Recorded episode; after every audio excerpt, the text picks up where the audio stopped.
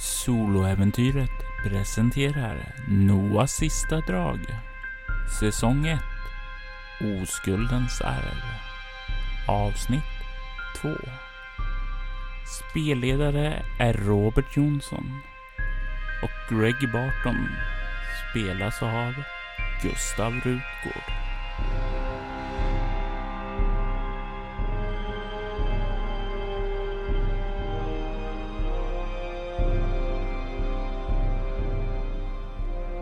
Månaderna hade gått så fort sedan Jordi lämnade Castle. Om hon bara hade funnit spåren av boken en månad tidigare. Då hade hon sluppit jaga världen över efter gamle Massys samling. Jordi gjorde dock alltid det bästa av situationen. Den sista pusselbiten hade till slut spårats till Clarks Antiquities i San Sebastian. Hon var nu äntligen tillbaka i Castle övertygad om att ledtråden till reliken fanns i boken. Men det fick vänta tills imorgon. Hon hann knappt sluta ögonen innan det ringde. Jordi Chase. Välkommen hem Jordi. Rösten tillhörde hennes chef och mentor Franciscus Black. Jag hörde att du fick tag i boken. Mr Clark sålde den gladeligen. Jag lämnar in kvittorna imorgon. Jag vet hur noga du är med utgifter. Jag har ett nytt uppdrag åt dig. Kom in till kontoret nu. Du kan lämna kvittorna då. Ah, nu?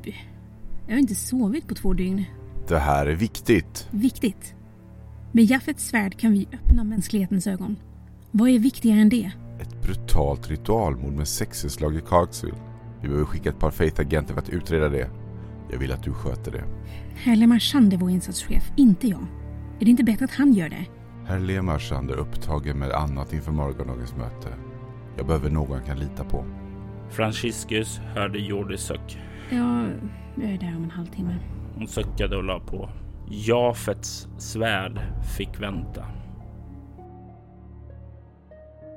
Månaden du har spenderat i Castle för att utbilda dig till fullfjädrad Fate-agent har gjort dig gott. Du minns själv hur trasigt ditt löje var innan du kom hit. Hur händelsen borta vid testamentsuppläsningen kraschade ditt liv och höll på att kosta dig allt. Ditt äktenskap, ditt arbetsliv, din relation med din dotter Rain. Tåget är åter på räls. Du började för en månad sedan arbetet på väg tillbaka till en stabilare grund. Fate gav dig den trygghet och stabilitet som du behövde för att börja resan på väg tillbaka. Under utbildningen har du lärt dig grundläggande självförsvar från Fates säkerhetschef Dean McGuire. Dr. Magdalena Borodin har även lärt dig lite grundläggande psykologi och även tagit emot dig och haft kurerande terapeutiska samtal. Och Rona McGuire har gett dig grundläggande kännedom om vad en Fate-agent bör tänka på ute i fält. Slutligen har Jordi Chase fungerat som din handledare under den här intensiva träningsperioden. Du sitter nu i ett av konferensrummen och väntar på att få prata med äldsten Franciscus Black, chefen för kontoret här i Castle. Och det är till honom som du kommer att lämna rapport om vilken väg som du kommer att vilja ställas inför härnäst. Vilken fält ska du specialisera dig inom? Du hade ju lite grann eh, möten eh, med dem när du kom hit den första dagen och därefter haft lite eh, följande lektioner och så med alla och du börjar fått en känsla lite grann för vem de är, vad de kan erbjuda dig under den här månaden som har gått.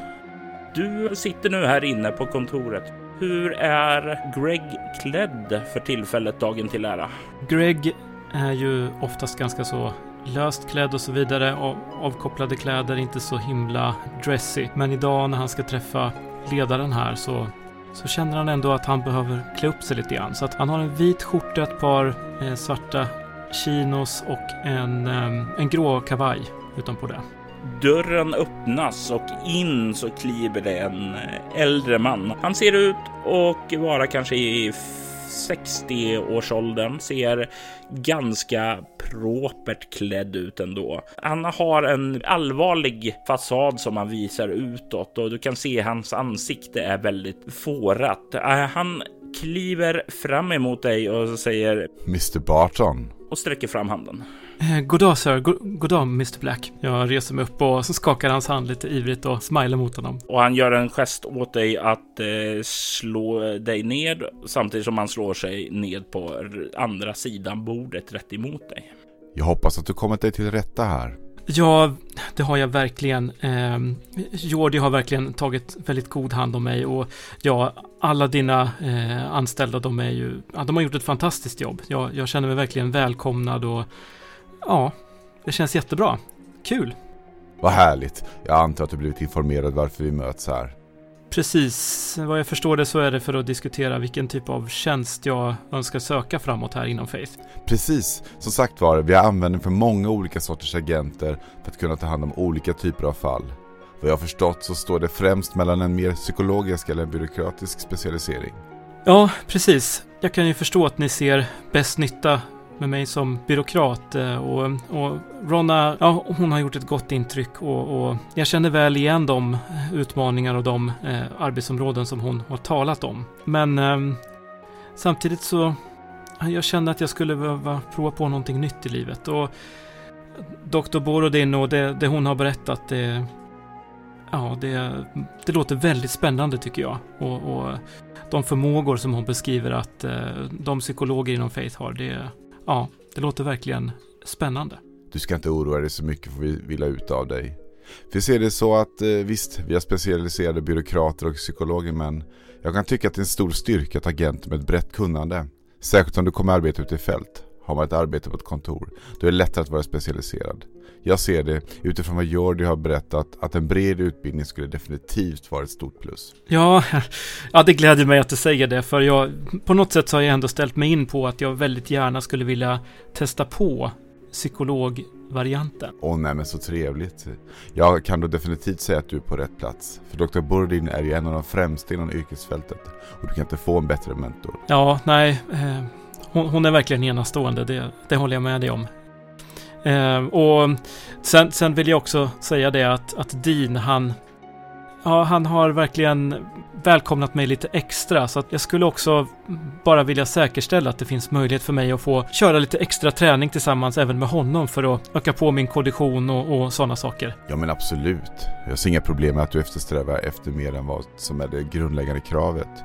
Utan det är snarare något som vi ser som positivt. Vi vill ju ha agenter som är i god hälsa, både i kropp och själ. Utmärkt, utmärkt. Och, och ehm, ja, jag vet inte hur dags Dean börjar, men jag kan också tänka mig komma lite tidigare eh, några dagar i veckan för att träna lite extra. Ja, men det tror jag nog ska gå bra.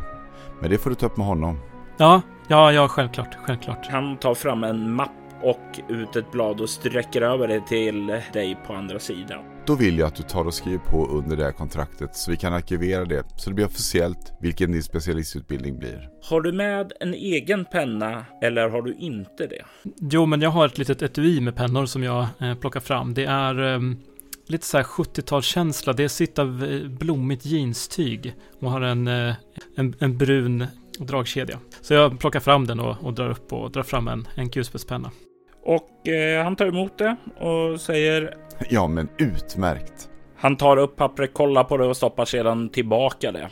Då vill jag att du kommer tillbaka imorgon vid niosnåret. Då kommer Dr. Bordin att officiellt sätta igång intensivutbildningen. Ta den här dagen, koppla av och fokusera. Ja, sträck på benen. Ta det här tillfället att finna ny styrka inför morgondagen. Ah, tack så mycket, det är verkligen vänligt av er. Jag, jag ska göra det bästa av den här dagen. Eh, det ska jag göra. Och han reser sig upp, återigen sträcker fram handen för att skaka den hos dig och därefter så börjar han röra sig utåt. Och jag andas ut lite grann så och känner det att, ja, han accepterade det trots att jag egentligen inte har de här kvalifikationerna. Nu, nu gäller det bara att ja, samla sig och gå igenom det här så, så kommer det lösa sig. Eh, det är så det brukar gå. Det brukar lösa sig. Tillsammans med Dr. Borodin så... Det här kommer bli bra. Det här kommer bli jättebra. Det är en ny start. Jag ska åka hem och överraska Florence. Och du lämnar Fate-kontoret och åker tillbaka in till Castle. Hur planerar du att överraska Florence? Vi ska äta mexikanskt. Jag kommer att köpa lite tequila, lite mexikanskt öl och eh, lite burritos och bästa liksom take-outen och sen så kommer jag fixa en sallad själv. Eh, och när jag har handlat så kommer jag också plocka upp Rain och mässa Florence precis då när jag är på väg att plocka upp henne att hon inte behöver göra det idag för att jag fixar det. Du plockar upp allt det där och eh, börjar sedan åka till eh, Rains förskola. Mm. Eh, Rain, hur gammal är hon? Rain är fem år. Men hon är lite grann av den brådmogna sorten ändå. Hon är lite så här tystlåten, nyfiken men fundersam. Mm. Och eh, du svänger upp utanför förskolan. Mässar du din fru Florence innan? Ehm, ja, när jag eh, har handlat varorna och eh, hoppar in i bilen för att köra till förskolan, då, då mässar jag henne att eh, eh, kunde sluta lite tidigare idag, plockar upp Rain, puss. Du får eh, ett svar då. Toppen. Då behöver jag inte stressa. Kommer nog hem lite senare än vanligt, men jag ska skynda mig. Eh, längtar tills vi ses. Och sen en, eh, en puss-emoji. Och du får ganska snabbt en puss-emoji tillbaka. Mm. Och du kommer fram till eh, förskolan och kan plocka upp henne. Och hon eh, plockar ihop sina kläder ganska tystlåtet. Tar på sig eh, stövlarna sedan och sen så följer hon med dig ut till bilen. Mm. Hon har inte sagt någonting under hela tiden utan verkar ganska eh, lågmäld, disträ. Tänker som om tankarna är på någonting annat. När vi eh, öppnar grinden ut till parkeringen så säger jag till henne Rain, vi ska överraska mamma ikväll. Vad säger du? Vi hjälps åt att fixa lite sallad. Hä? Mm. Sall sallad. Ja, nej, men det blir bra. Du brukar ju vara så bra på att hjälpa mig i köket. Det blir ju jättekul. Ja, det kan, det kan jag väl göra. Hur... Ja, sätt dig här. Hur... Hoppar in i bilen och börjar köra iväg. Hur, hur har din dag varit? Mac Mackie var... Han var lite sådär dum idag. Men annars har det varit bra. Var han? Hur var han dum? Han var sådär... Han drog mig i håret och dummade sig. Det tycker inte jag om. Nej, så får man inte göra. Sa du till fröken då? Nej, jag fick skäll av fröken. Fick du skäll av fröken? Varför det? Hon kollar ned på fingrarna som hon liksom har. Ja, ja de liksom knådar varandra när hon har dem där i knät. Han började gråta. Jaha, okej. Började han gråta före eller efter han drog dig i håret? Han drog mig i håret och sen började han gråta. Hon kollar inte uppåt mot blicken du har i backspegeln. Nej. Ser lite skamsen ut. Tror du Mackie kommer säga att det var någon som var dum på förskolan idag till sin mamma eller pappa? Kanske. Och vad kommer han berätta då? Men han började. Han började. Jag håller med dig, det var riktigt dumt att dra dig i håret. Det, det ska man absolut inte göra. Men det måste du ju berätta för fröken då. Om, om någon gör det. Ja. Men vad gjorde du tillbaka då? Kommer du ihåg innan vi flyttade hit när du och mamma bråkade så mycket och, och hon slog dig över kinden? Var det någonting sånt som hände nu eller? Ja. Säger hon så här skamset och skruvar på sig väldigt, väldigt obekvämt. Det är ju ändå bra att man kan försvara sig om någon gör något dumt mot en, eller hur? Hon nickar. Ja. Men man ska ju inte slåss. Man ska ju hälsa till fröken. Men om någon, om någon kille är riktigt dum så kan man behöva göra tillbaka ibland. Så är det ju. Ja, men nej. Hon nickar. Jag ska inte göra det igen om det inte behövs, men... Men jag lovar att prata med fröken först. Och om fröken säger något så berättar jag vad du har sagt. Att Mackie drog dig i håret först. Hon nickar. Förlåt för att jag slog Mackie. Jag tror ni behöver säga förlåt till varandra. Men det kan ni göra imorgon. Nu tänker jag att vi inte behöver tänka mer på den saken. Det blev ju bra till slut. Så kom, kom så går vi in. Och ni tar och kliver in där och ert nya hem under den här månaden som har gått har eh, hur mycket mer ur eh, alla sådana här kartonger och så som fanns där tidigare är nu upplockade? Är det fortfarande ett flyttkaos? Nej, eh, det är det inte. Från lite grann den känsla jag har fått ifrån eh, min nya arbetsgivare så har jag fått ta en del eh, eftermiddagar och sånt. Så att eh, jag har jobbat på rätt hårt med att få undan och ja, det finns ju fortfarande en del prylar i garaget och sådär men inne i huset så är det mycket i ordning nu. Det är fortfarande en del tavlor och så som inte är upphängda. Men i övrigt så är det i ordning. Du kan när ni kommer in så ser du hur eh, Rain börjar springa iväg mot sitt rum. Jag ska bara byta om, sen kommer jag och hjälper till. Jättebra och tvätta händerna också när du kommer. Mm. Eh, jag bär in alla grejer i köket, sätter igång radion och börjar plocka in i, i skåp och sådant. Snart så sätter ni igång och eh, fixar i ordning en eh, härlig, härlig sallad tillsammans. Och du börjar göra i ordning allting för en trevlig kväll. Och tiden börjar gå. Och snart så hör du ju hur Rain säger. Pappa!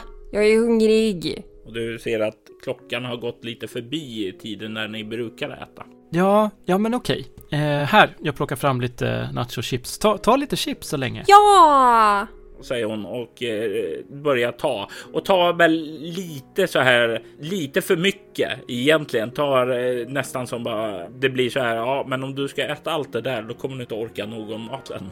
Jag ler lite grann och eh, plockar fram mobilen och messar till Florence på ingång. Du ser när du plockar fram det där att du faktiskt har ett meddelande som du inte har hört komma. Blir sen tyvärr. Kommer nog inte hem förrän åtta. Ah, synd.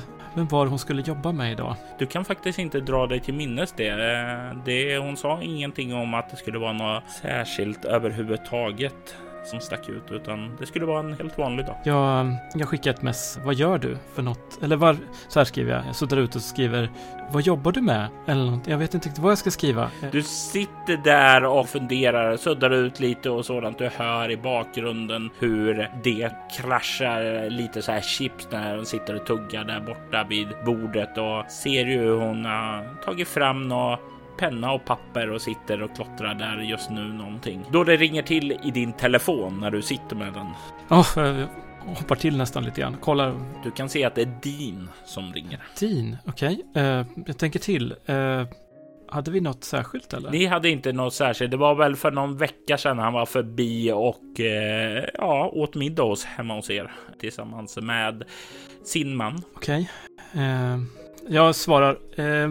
Ja, eh, Greg här. Hallå Greg. Jag hörde från Franciscus att du önskade att få lite extra fysträning. Jo, men verkligen. Jag, det är ju så himla härligt område och jag känner att eh, vi, vi kommer bra överens och det, det vore jättetrevligt om vi kunde köra lite, ja vad vet jag vad du har för något träningsprogram, men på morgnarna eller någonting. Jag brukar vara ute här vid femsnåret och ta en ja, språngmarsch bara för att komma igång. Så tidigt på morgonen är det en avslappnad och skön atmosfär. Det är så lugnt ute i spåren då eftersom inte många andra har hunnit vakna ännu. Skulle du vilja haka på så är du välkommen.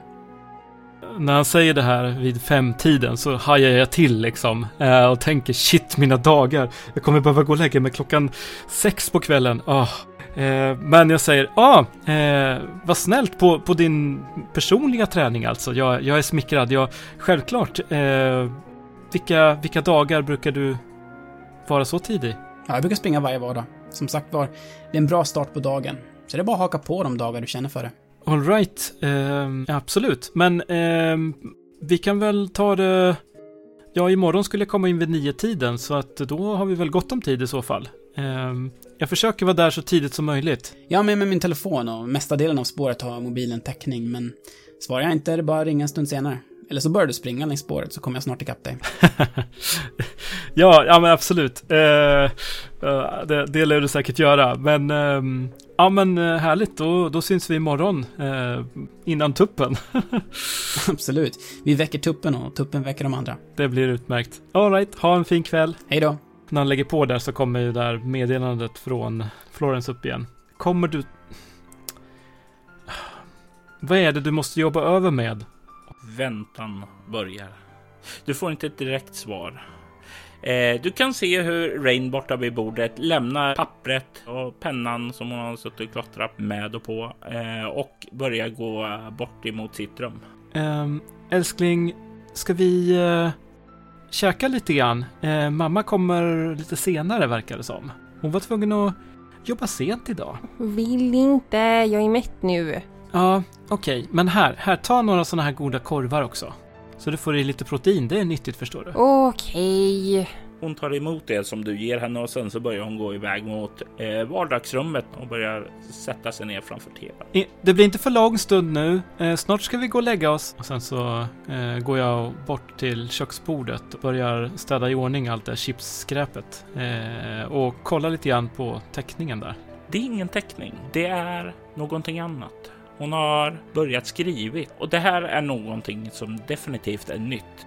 Trots att hon är fem så har hon börjat lära sig att läsa eh, sådana enkla böcker.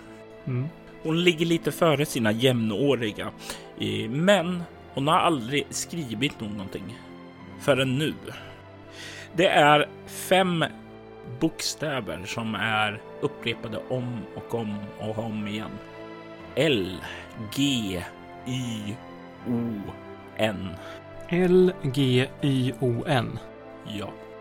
Um, Okej, okay. jag går och hämtar en, uh, en öl från kylskåpet. Tar lite grann av maten och äter. Kollar på min telefon. Har jag fått något svar från Florence? Nej. Så jag kan ju inte lämna Rain här och åka och leta efter henne. Ja, ja. Jag får väl fråga henne när hon kommer hem då. Det är säkert bara hon. Hon är säkert i ett flow och bara spelar in någonting. Det är säkert ingenting att oroa sig för. Mm. Ja, eh, jag eh, har ingen matlust. Alltså, jag, jag reser mig upp, drar i mig det sista av ölet. Tar och ställer in det som behöver ställas in i kylen och sen så går jag ut i vardagsrummet. Kan se hur Rain sitter där och eh, korvarna är orörda Eh, hon sitter och kollar på något eh, barnprogram av något slag. Rain! Kollar på henne och ler. Mm. Vet du vad vi ska göra nu? Nej. Hon håller fortfarande blicken rätt på tvn. Vi ska ha pyjamasparty! Bara du och jag. Kom, kom! Va? Ja, jag stänger av tvn. Nej, men jag Vi ska ha pyjamasparty! Det blir jättekul, kom! Jag skyndar mig bort mot... Eh, jag kommer före dig, jag byter om före springer in i eh, Florens och mitt sovrum och börjar klä av mig kläderna och byta om till pyjamas. Nu har jag fått av mig både tröjan och byxorna. Du hör tunga steg som går bort mot sitt rum. Inte alls lika entusiastisk som sin far. Och sen eh, är jag väldigt långsam. tar, tar på mig min pyjamas, kollar om jag fått något meddelande på telefonen. Nej. Eh, ingen ficka på pyjamasen så så här tar den i handen liksom. Går in i hennes rum och lägger den på hennes nattduksbord. Kolla!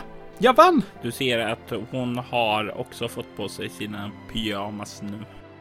Åh, oh, nej, jag vann inte. Jag trodde jag var snabbast. Måste jag sova nu? Jag tittar på henne illmarigt och så buttar jag till henne lite, lite försiktigt på axeln och säger Datten, du är... Och så springer jag iväg bort mot eh, toaletten. Och hon börjar småspringa lite efter dig. Mm. Inte så här vildjakt, men lite grann eh, mer entusiastisk än tidigare i alla fall. Du försöker att köra lite datten en stund och, och sen så eh, när jag tycker att det blir lite för ansträngande så tar jag helt enkelt och ja, avslutar i eh, badrummet. Oh, nej, nu måste vi borsta tänderna. Eh, jag har fullt med chips på mina tänder. Nu ska vi borsta dem. Jag tar fram min eh, tandborste och börjar borsta. Du får också borsta dina. Hon plockar upp sin tandborste och börjar ta på tandkräm på den och sen så kollar hon lite mot dig. Pappa? Ja? Kommer mannen komma till mig i natt också? Den där hemska mannen. Och det är första gången du hört talas om någon hemsk man. Hemsk man? Vad är det för en man? Han ser jätteelak ut. Han, han har långt vitt skägg, långt vitt hår. Han är klädd i konstiga kläder och han pratar konstigt. Pratar han engelska? Nej. Eh, ryska? Nej. Men jag förstår honom ändå. Han talar konstigt, men jag förstår vad han säger ändå. Det låter som en väldigt konstig dröm. Kan, kan jag sova i er säng i natt? Vet du vad? Pappa ska gå upp jättetidigt imorgon. Så att jag tänker så här. Att jag sover i din säng bredvid dig hela natten. Okej? Okej. Och så läser vi en härlig saga och... Ja, och... Men pappa, Eh. jag vill inte höra någon saga. Jag är en stor flicka nu. Stora flickor vill inte höra någon saga. Ja, men så stor är du inte. Det är jättekul med sagor. Vad, kom igen, jag kan berätta någonting. Eller vad, vad vill du höra? Sagor är för små barn. Jag är en stor flicka Eh. nu. Okej då.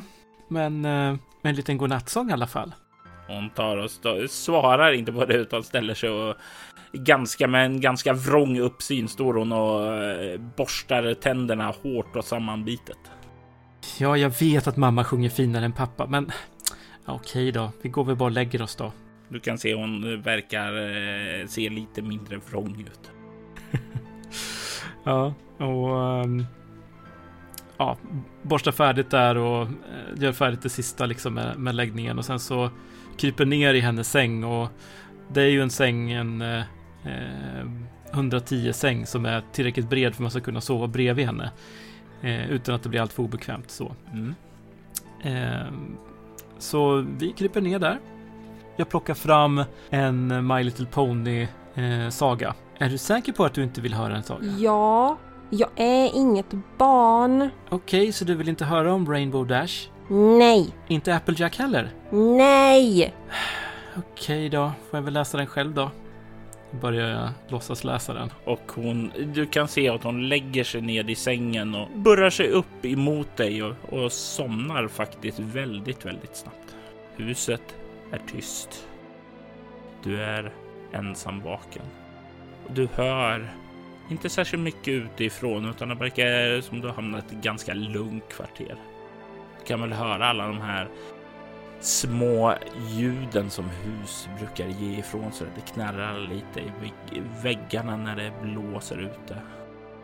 Den typen av små ljud. Och det känns ju lite ovant fortfarande, nyinflyttad i det här huset. Och det känns fortfarande lite grann som att bo i någon annans hus. Släcker lampan och lägger ifrån mig boken. Plockar fram mobiltelefonen. Har jag fått något svar från Florence? Nej. Jag stänger av ljudet, lägger ner den på golvet bredvid sängen. Och lägger mig där och låtsas so- som om jag ska kunna somna nu. Och du glider ganska snabbt in i sömnen. Och när du här somnar nära din dotter så är det ändå en viss trygghet som infinner sig. Som om att vara nära henne gör dig lite mer avkopplad. Och det är i drömmarna som minnen börjar sippra fram. Kanske är det för att det är så som Dr. Borodin sa. Att ni tillsammans har skapat ett tryggt rum under det här månad som gått och under era terapeutiska samtal. Att minnet om vad som börjar hända vid testamentsuppläsningen börjar komma tillbaka. Du börjar sakta, sakta att minnas. Efter en lång bilfärd har du tagit dig till det avlägsna huset där din morbror Tobias Thomson en gång bodde. Huset är ensligt beläget uppe på ett berg mitt i skogen. Vägen dit är grönskande och mycket vacker. Du kan till och med ana djur inne i skogen som nyfiket stirrar mot din bil när du åker upp mot huset. Uppifrån huset har du en fantastisk utsikt över omgivningarna som i stort sett bara består av vildmark. Utsikten må vara vacker, men för en del stadsmänniskor så känns det ändå lite utlämnande att vara ute i naturens majestät, då den närmsta grannen finns en halv mil nedanför berget vid en betagande vacker sjö. Du har samlats här idag för att närvara vid testamentsuppläsningen. Du fick ett samtal från Jonathan Lance, Tobias advokat från Hartstone Winter. Det var han som kontaktade dig och bad dig komma ut hit, för annars så skulle du strykas ifrån testamentet. Han bad dig anlända på fredag eftermiddag och vara beredd på att stanna tills på söndagen. Du svänger upp, parkerar bilen utanför huset, kan se att det väntar ett par andra individer. Du känner igen några av dem som är där, men inte alla. Nu när alla har samlats utanför så harklar sig Jonathan för att fånga er uppmärksamhet där han står på trappen utanför ytterdörren. Välkommen till eh, uppläsningen av den bortgångne Tobias Thompsons testament. Anledningen till att ni har kallats hit beror på de specifika bestämmelser som Tobias angett i sitt testamente. Han valde ut er för han såg er som värdiga att ärva hans förmögenhet. Vår vän Tobias var, som ni alla säkert vet, mycket excentrisk. För att få ta del av hans arv krävs att ni uppfyller de kriterier han har satt upp. Mer om det senare. Nu föreslår jag att vi tar och eh, presenterar oss för varandra då vi ska tillbringa tiden fram till söndag tillsammans. Ni känner redan till vem jag är, men annars så säger jag det igen. Mitt namn är Jonathan Lantz och jag var Tobias advokat. Men du där kanske kan börja och presentera dig själv och hur du kände den avlidna. Och han pekar på en eh, kvinna. En eh, blond kvinna, vacker men lite äldre. Eh, och du känner igen den här kvinnan. Du känner igen det som Jane Thompson. Du har kanske inte träffat henne så mycket när jag tänker efter, för han gifte sig för något år sedan med henne. Så jag kan ju passa på att fråga dig, har du haft någon kontakt med Jane tidigare? Nej, det har jag inte. Eh, senaste gången jag träffade eh, Tobias, det var på mitt bröllop. Kanske någon gång efter, men, men det här är ju ett antal år sedan. Hur länge sedan var det du gifte sig ungefär? Du sa några år sedan, men är det två, fem, tio? Det är sex år sedan. Du fick ju förstås en inbjudan till bröllopet från eh, Tobias. Men eh, varför kunde du inte närvara? Det var min, min mamma Johanna som hon övertalade mig att jag inte skulle gå dit. Hon, hon tyckte det var skandalöst att to Tobias skulle gifta sig nu när han är, när han är gammal och, och att Jane bara utnyttjade honom och att det, hon, hon bad mig verkligen att, att inte åka dit. Eh, hon såg det här verkligen som den, den stora skiljelinjen eh, som efter allt som har varit mellan dem så var det här ändå det, det värsta hon kunde tänka sig. Den här kvinnan då, hon ser verkligen skärrad ut, alltså som en sörjande änka. Hon är klädd i svart och har på sig ett par solglasögon. Hennes blonda hår är nu också inte utsläppt utan uppsatt i en knut och helt klädd i svart.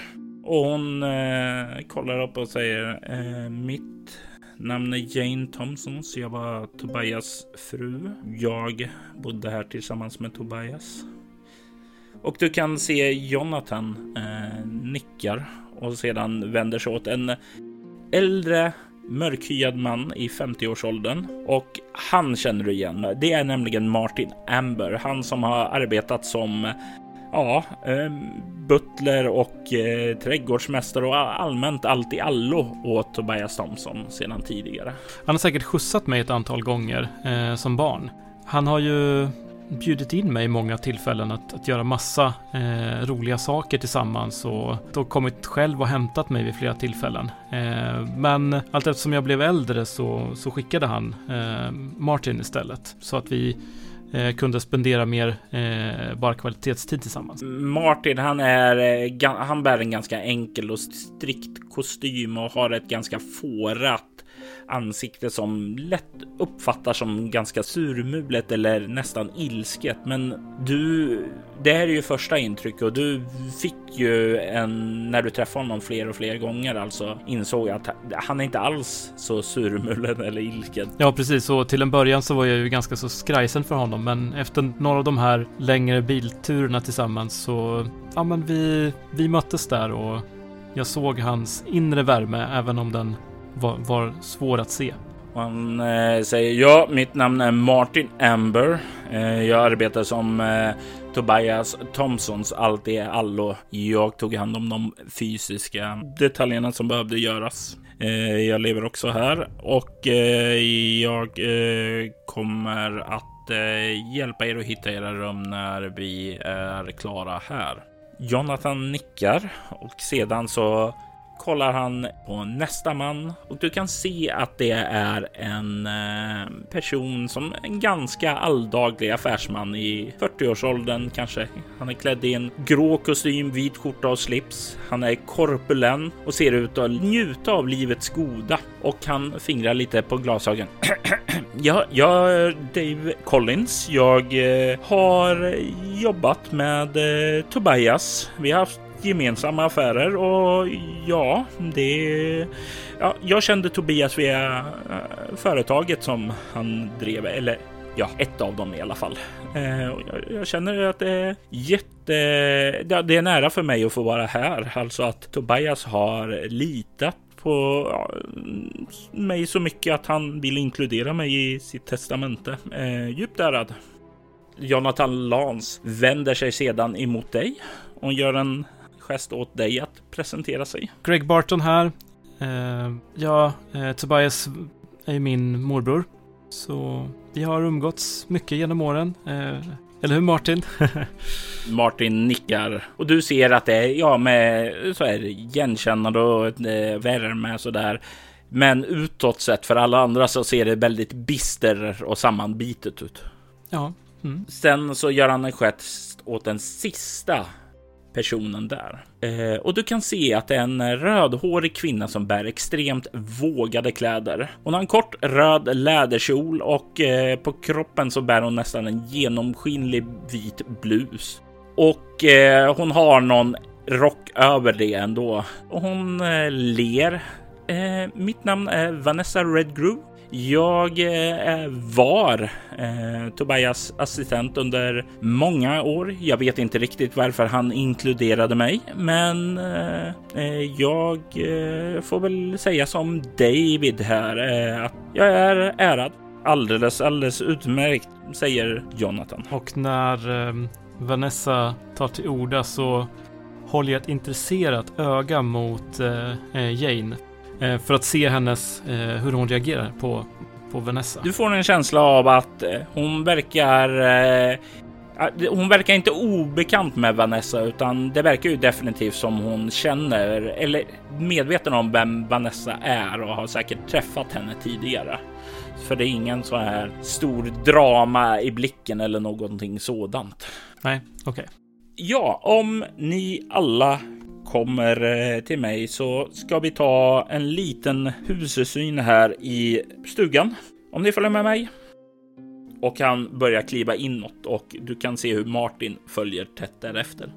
Ja, jag eh, följer också efter. Jag är nog mest bekväm med att gå i närheten av Martin i nuläget. Ni kommer in i en korridor.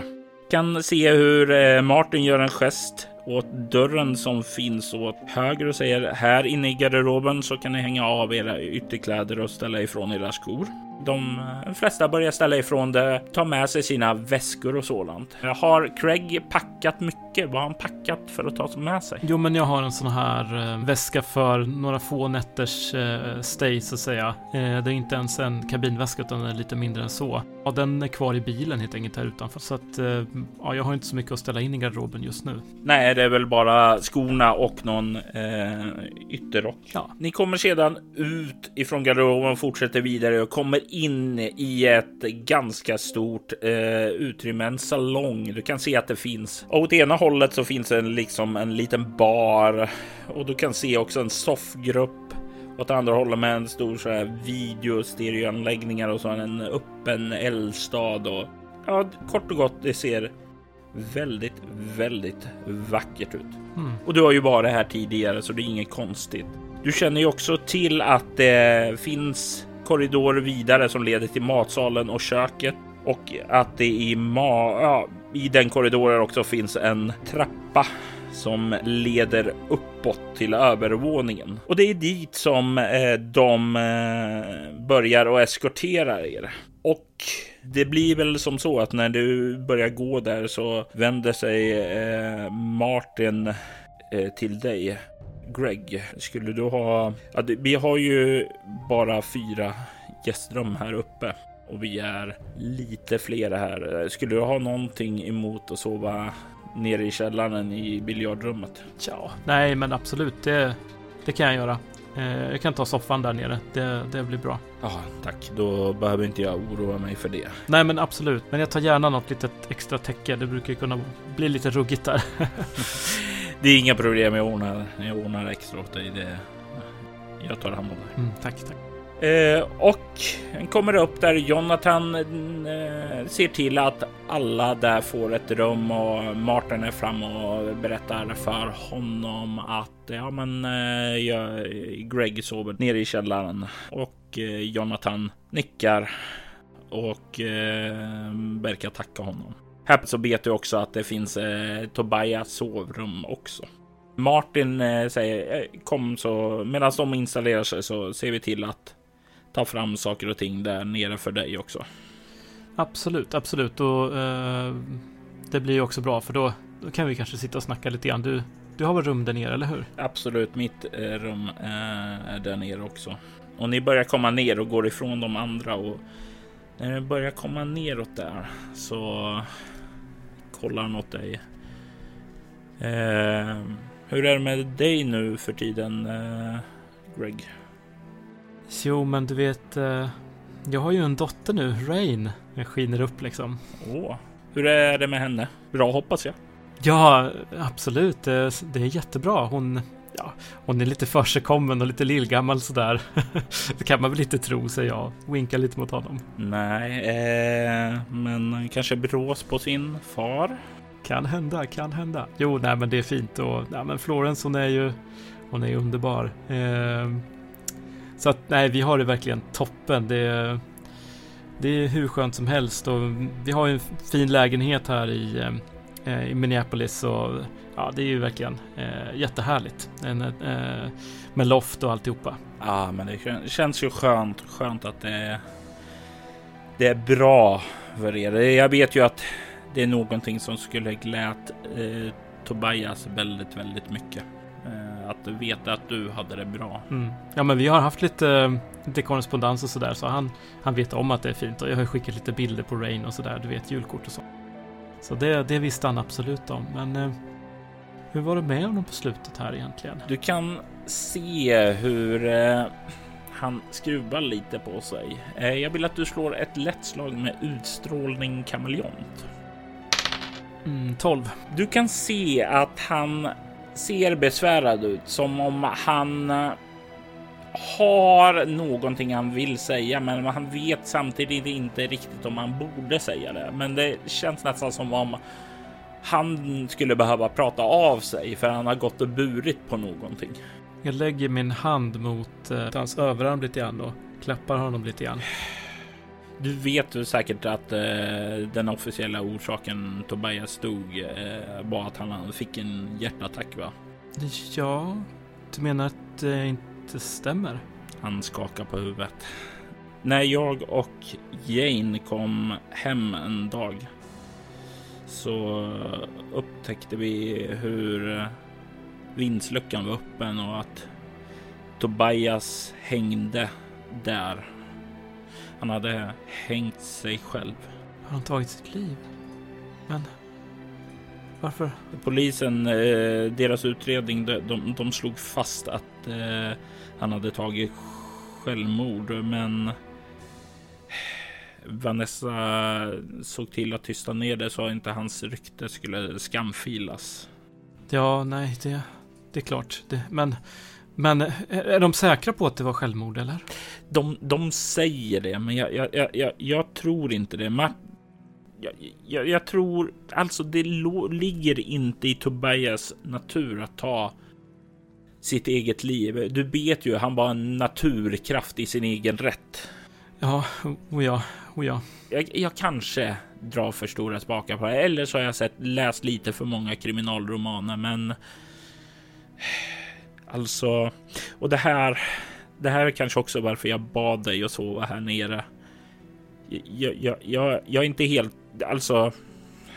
Jag tror att någon av de andra där uppe låg bakom mordet. Någon av de här som... Alltså, varje mord, det, det, är någon som vinner på att mörda någon annan. Och vem, vem har mer att vinna än att komma över Tobias förmögenhet? Ja... Jag vet att det inte var Jane för hon var med mig och jag vet att du inte skulle skada din morbror. Så det lämnar bara någon av de andra. Mm. Alltså David eller Vanessa menar du?